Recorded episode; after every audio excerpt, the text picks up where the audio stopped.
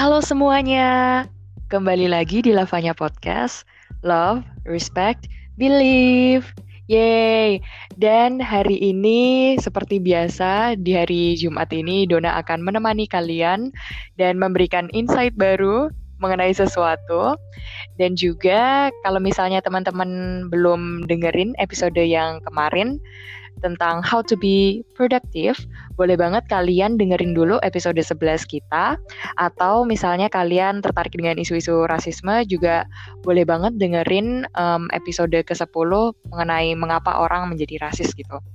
Nah, terus sekarang hari ini Dona hmm, mau memperkenalkan anchor baru karena di episode kali ini Dona nggak sendirian aja. Jadi anchor barunya bernama Nanda. Hai Nanda. Hai Dona, hai semuanya. Kenalin namaku Nanda. Boleh dong cerita-cerita dikit tentang Nanda tuh siapa sih? Ya dikit gitu. Oke, tentang aku ya. Aku sih yang pasti temennya Dona, makanya aku uh, ikut gabung di lavanya buat isi podcast khususnya kali ini pertama kali. Mm-mm. Jadi ini adalah podcast perdana nih, dan uh, aku penasaran deh, kenapa Kak Nanda tertarik untuk ikut lavanya gitu, dan kenapa topik bahasan pertamanya adalah anxiety? Uh, alasan aku tertarik buat join lavanya ini. Soalnya aku tahu dari awal uh, Dona sempat sharing ke aku tentang uh, plan projectnya dia tentang lavanya ini. Terus juga walaupun awalnya sempat uh, berhenti ya waktu itu ya kalau nggak salah. Maksudnya kayak belum tahu kapan pasti bakal mulainya tapi aku kayak ngerasa Dona semangat banget nih buat bikin lavanya. Apalagi kan tujuan dari lavanya ini juga buat sharing hal-hal positif.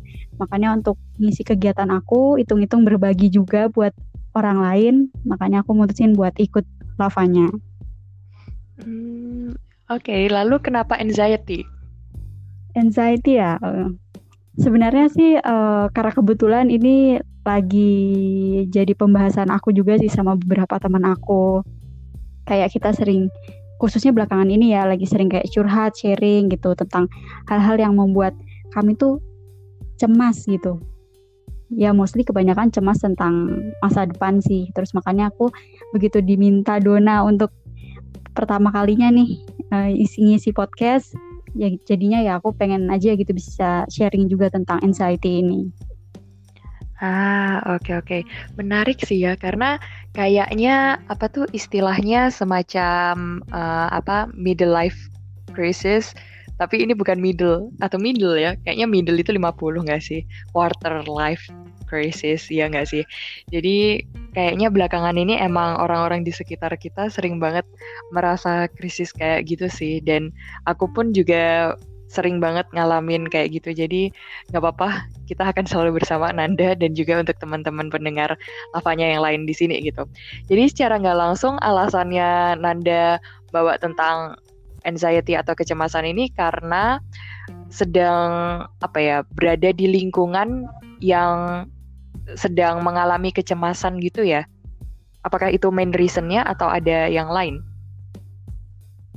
Iya, awalnya karena kayak gitu. Terus aku jadi ber berusaha untuk mencari tahu lebih banyak tentang anxiety ini sampai aku menyimpulkan kalau setiap orang tuh pasti punya kecemasannya masing-masing. Semua orang pasti pernah mengalami anxiety ini gitu. Makanya aku pengen berusaha untuk apa ya kayak mungkin berbagi lah atau sharing gitu tentang gimana sih supaya kita tuh ya kita tahu ini sesuatu yang pasti terjadi itu, sesuatu yang pasti pernah kita rasakan.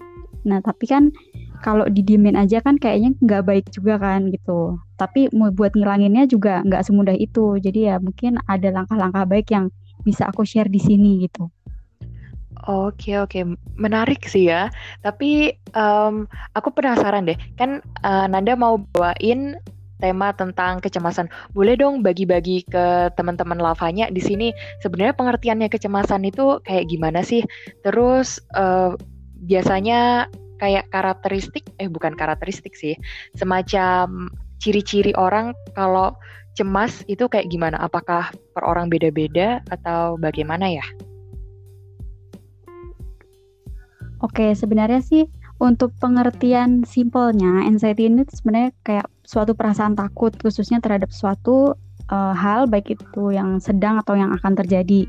Mostly yang akan terjadi sih yang kita nggak tahu nih besok bakalan kayak gimana kayak itu.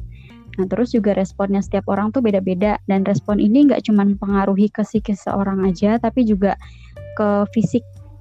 Kayak ada orang yang kalau lagi cemas dia otomatis kayak jantungnya berdebar lebih kencang. Terus juga ada yang kayak sesak nafas atau dadanya terasa sesak kayak gitu. Terus juga ada kayak temanku juga sharing dia tuh kayak tangannya sering keringetan gitu kan telapak tangannya dan katanya kalau misalnya dia lagi deg-degan khawatir gitu makanya takut pasti dia tangannya berkeringat kayak gitu. Ah, oke okay, oke. Okay. Wow, sepertinya pembahasannya akan sangat menarik ya karena aku ngerasa kayaknya beberapa ciri-ciri ada di aku juga nih atau mungkin teman-teman lavanya yang lain juga merasa hmm kayaknya ciri-ciri ini ada di aku juga nih gitu. Jadi hmm, tujuan episode kali ini adalah untuk membantuin teman-teman mengubah apa ya semacam kecemasan ini menjadi um, apa sih istilahnya kayak bensinnya kita untuk menggapai sesuatu di masa depan. Gitu nggak sih tujuannya secara umum? Atau mungkin Nanda mau memperbagus kata-katanya kayaknya aku lagi agak buruk nih otaknya. Ya jadi tujuannya tuh lebih kayak uh, gimana kita merespon dengan baik perasaan cemas yang nggak bisa kita hindari itu. Kayak kita pasti merasakan kecema cemas, kita pasti ada saatnya di saat kita tuh lagi cemas terhadap sesuatu. Nah, kita nggak bisa ngilangin itu, cuman ya satu-satunya cara ya dengan bisa mengendalikan diri kita lah meresponnya gitu. Hmm, Oke, okay. baiklah. Kalau begitu, karena tadi Nanda sudah mendeliverkan tujuannya, jadi boleh banget nih Nanda untuk take over langsung mengenai apa sih pengertian mulai dari pengertian lalu gimana caranya teman-teman lavanya untuk sup, apa ya supaya nggak cemas lagi gitu di ke depannya. Oke, oke terima kasih Dona. Mm -hmm. Jadi uh, kalau anxiety itu Menurutku uh, ini pendapatku ya dari beberapa artikel-artikel yang aku baca tentang anxiety. Kalau anxiety itu merupakan perasaan takut terhadap suatu hal baik yang sedang atau yang akan terjadi. Nah, sebenarnya anxiety ini normal karena ini kan merupakan respon alami tubuh gitu dan setiap orang tuh pasti mengalami ini gitu, pasti punya kecemasannya masing-masing karena kan ya namanya kita hidup kan nggak selalu yang senang-senang aja gitu, tapi pasti ada hal-hal yang bikin kita takut, khawatir gitu.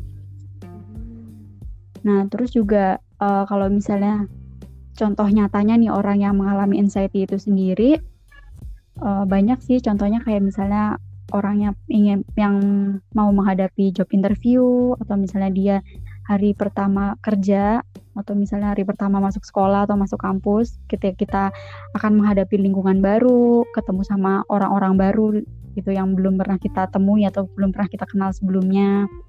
Terus juga ada juga yang orang yang mungkin akan melakukan suatu perlombaan walaupun mungkin misalnya si orang ini tuh udah biasa gitu melakukannya tapi nggak menutup kemungkinan kalau dia juga pasti punya perasaan cemas gitu sebelum uh, event itu dimulai.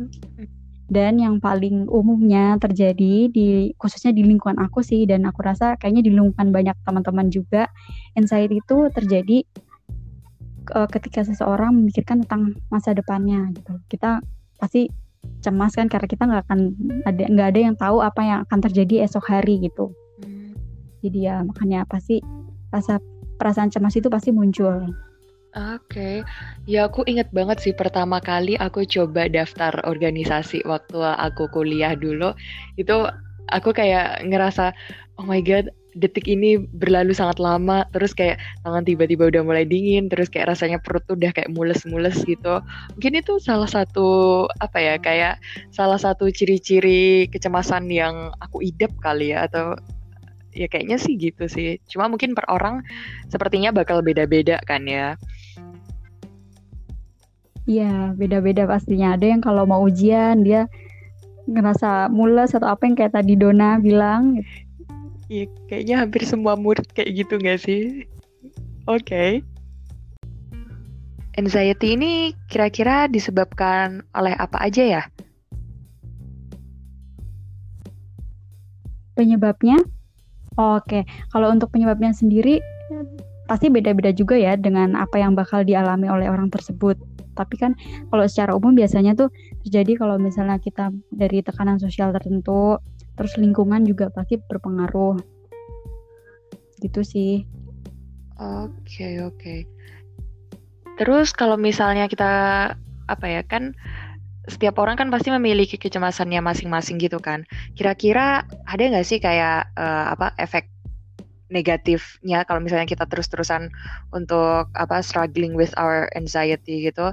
Karena kan ya gimana ya itu bagian dari hidup juga. Tapi kalau misalnya kita ikut uh, ikut terbawa anxiety-nya, artinya kan kita kayak istilahnya bunuh diri gitu kan, karena kita um, apa ya kayak semacam melepaskan diri kita kepada anxiety. Tapi kalau misalnya kita berjuang um, berjuang untuk anxiety kita, berarti apakah itu akan menimbulkan efek, dampak atau gimana?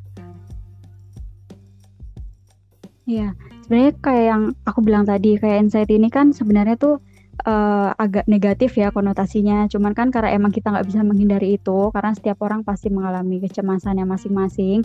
Jadi ya emang kita, uh, eh, PR kita semua tuh untuk bisa mengontrol diri kita gitu loh. Gimana kita untuk merespon kehadiran perasaan cemas itu gitu. Karena kalau misalnya kita udah merasain cemas gitu terus kita nggak bisa mengontrol diri kita jadinya malah lebih banyak dampak negatifnya gitu. Kayak contohnya yang tadi dampak fisiknya aja.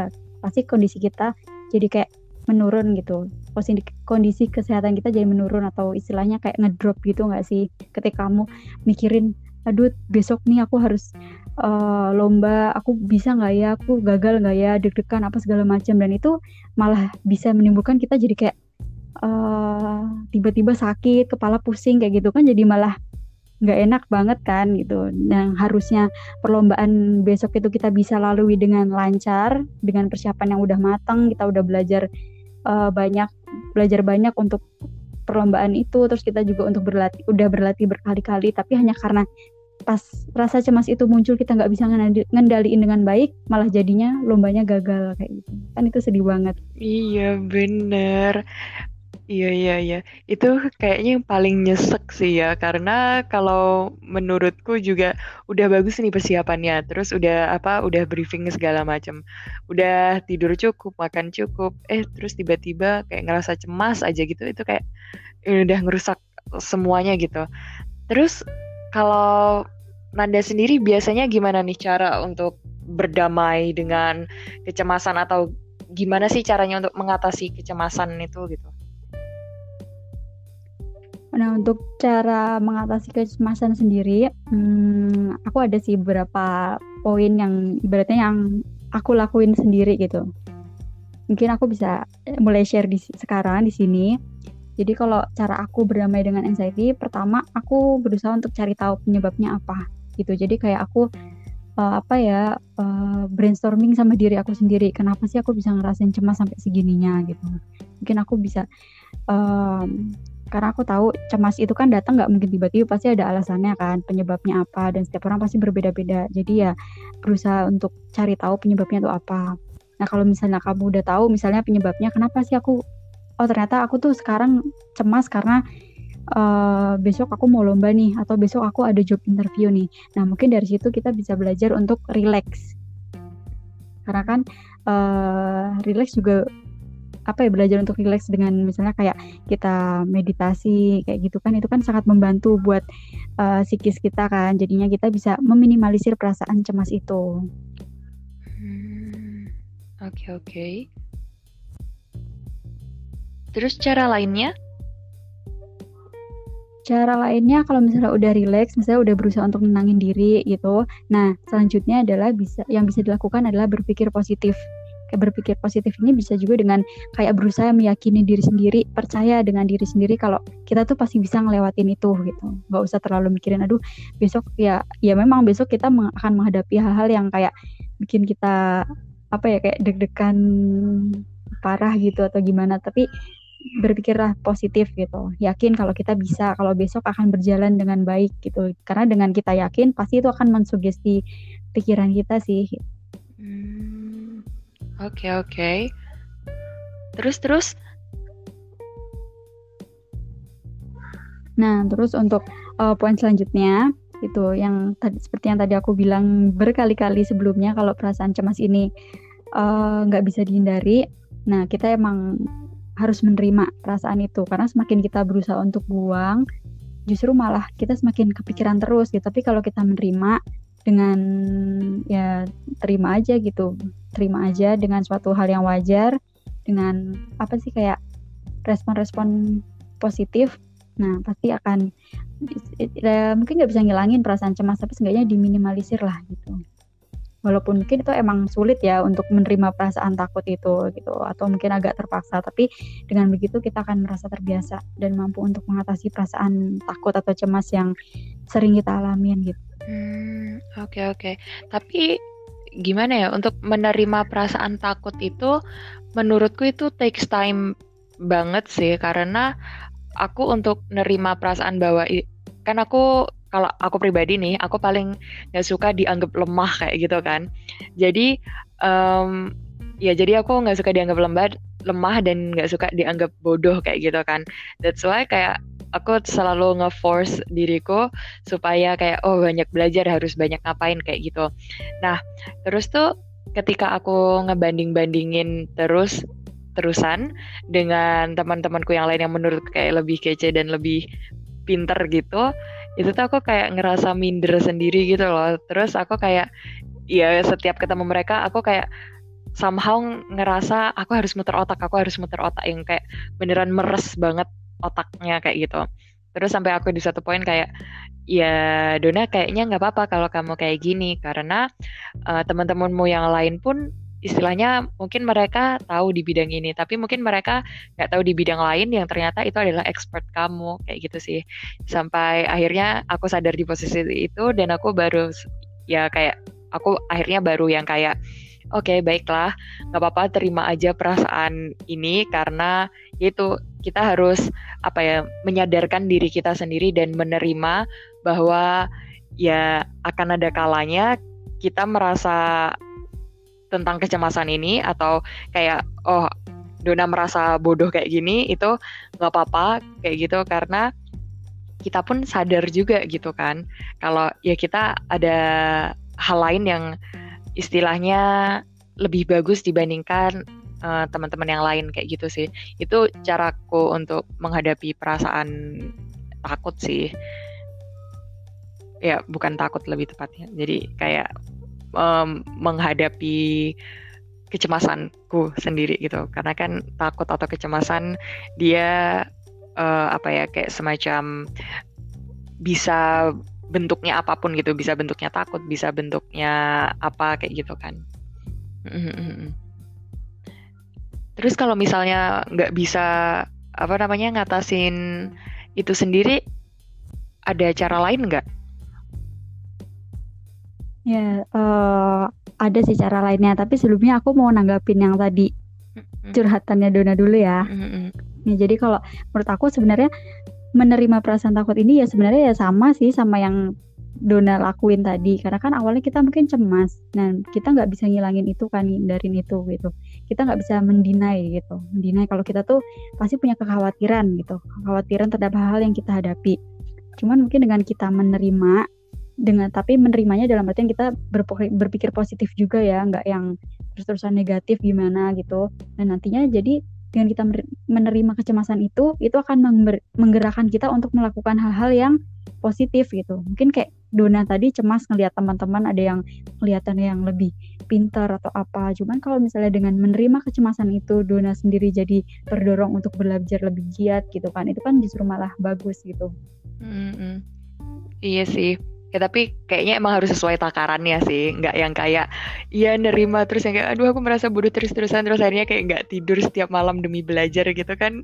Kayaknya itu horor juga sih. Lama-lama jadi cungkring. Nah iya bener banget. Makanya tadi kan aku bilang sebelum kita menerima penting juga untuk berpikir positif gitu. Jadi ya nggak sepenuhnya jangan negatif terus, jangan kita pikiran negatif yang menggerakkan kita gitu. Tapi untuk melakukan sesuatu, untuk bergerak pun kita harus mengawalinya atau mendasarnya dengan pikiran yang positif. Mm -mm. Oke, okay, baiklah. Terus terus.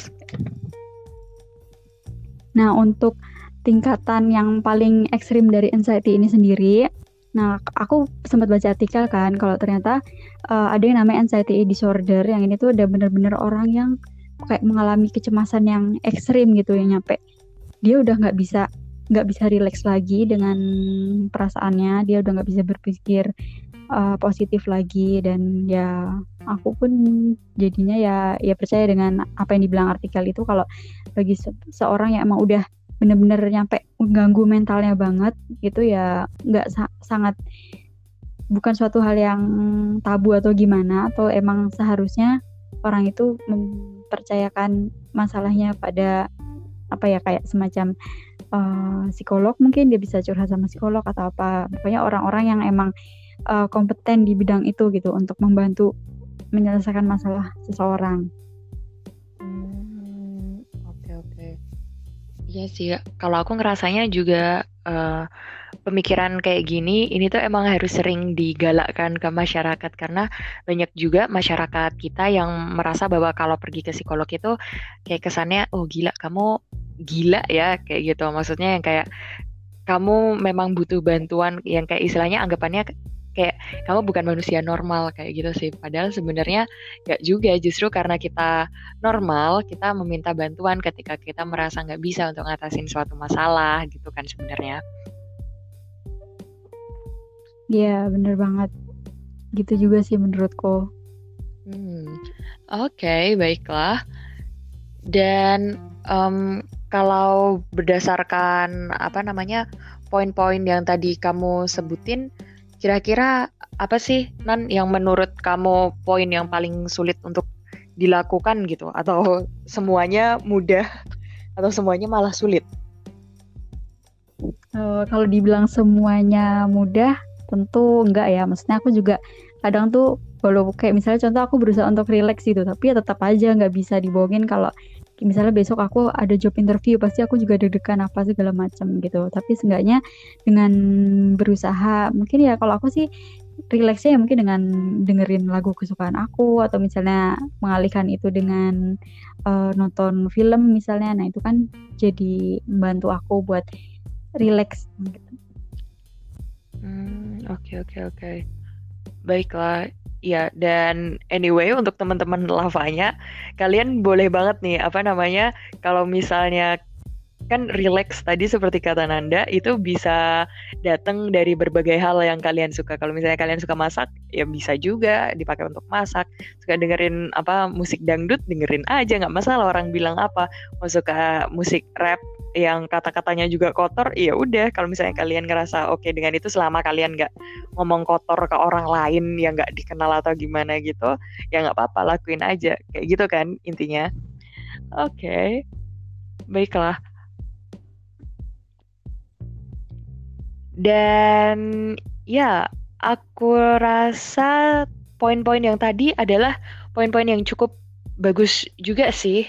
Dan ya, dan aku ngerasanya juga itu poin yang bisa cukup membantu teman-teman lavanya di sini supaya bisa mengurangi rasa kecemasan yang mungkin terjadi pada saat ini di masa-masa umur 20 sampai 30-an gitu karena itu masa-masa genting banget.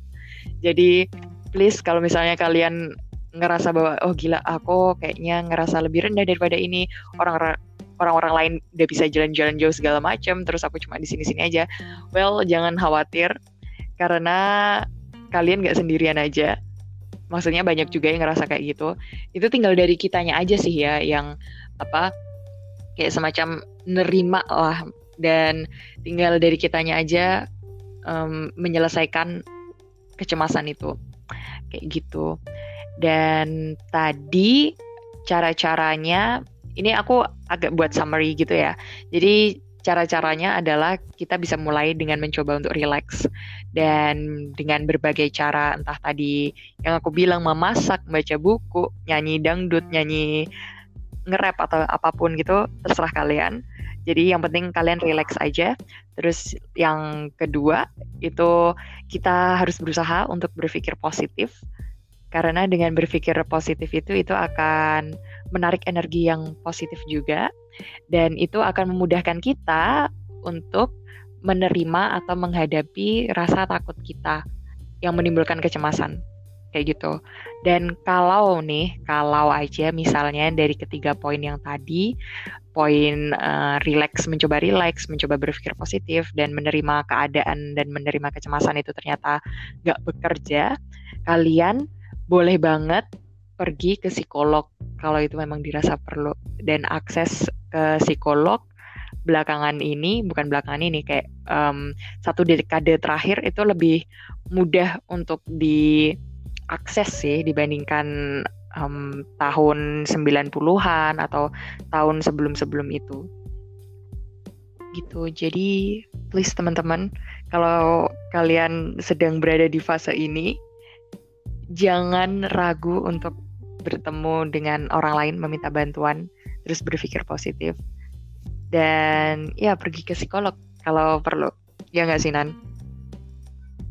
Iya bener banget nggak apa-apa jadi jangan merasa kalau pergi ke psikolog itu kamu kayak lemah atau kamu sendirian segitunya nggak punya teman atau apa sampai ke psikolog segala sebenarnya ya enggak psikolog itu ya dia kan emang apa ya kayak dia yang bisa membantu kita gitu dan dia orang yang kompeten untuk membantu masalah-masalah seperti itu gitu. Jadi kalau kita pergi ke psikolog ya emang ya emang kita pergi ke orang yang tepat gitu.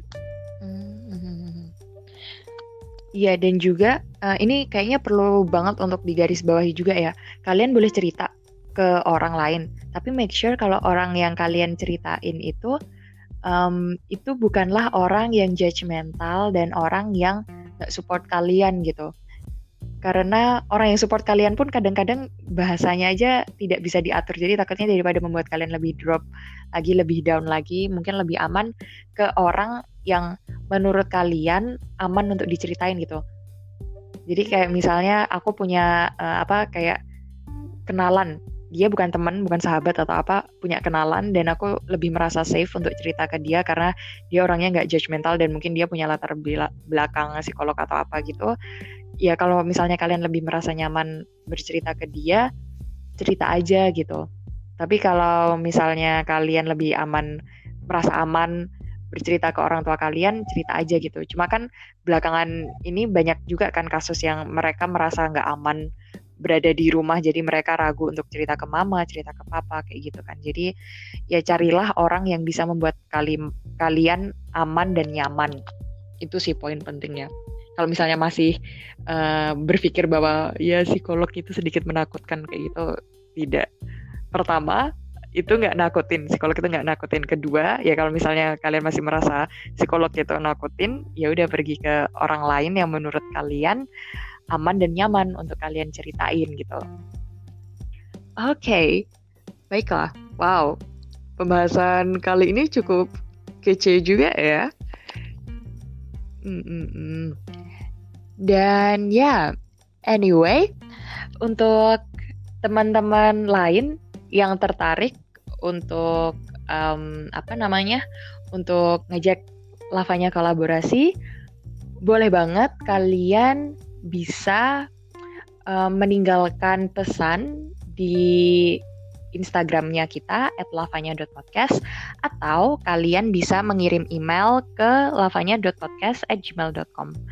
Lalu um, kalau misalnya kalian merasa episode ini sangat membantu kalian untuk mengatasi situasi galau atau cemas kalian, kalian bisa dengerin ini lagi terus-terusan. Jadi ya nggak apa-apa. Terus kalau misalnya kalian punya temen yang merasa bahwa mereka sedang berada di fase cemas gitu, kalian bisa juga untuk nge-share ini ke teman-teman kalian juga dan kalau mau upload ini ke Instagram kalian atau segala macam sosial media kalian, boleh juga jangan lupa tag lavanya the podcast. Dan ya, di episode kali ini Be Friends with Anxiety sudah selesai dan kami akan datang lagi di episode selanjutnya dengan tema-tema dan bahasan yang lebih menarik juga. Jadi stay tune dan Ya, selamat datang untuk Nanda Dan di ke depannya kalian akan sering-sering dengerin Nanda juga sebagai angkor di sini, ya kan Nanda? Ya, semoga uh, kedatangan aku memberi uh, kesenangan ya buat para pendengar lavanya. Iya, menjadi udara baru lavanya ya, gitu. Oke, okay, jadi anyway, Terima kasih lagi untuk teman-teman yang sudah mendengarkan sampai um, sampai detik ini dan juga terima kasih banyak untuk Nanda yang udah mau bergabung di Lavanya dan ke depan-depannya juga kita akan sering ngobrol-ngobrol lagi dan teman-teman Lavanya akan sering mendengarkan Nanda juga.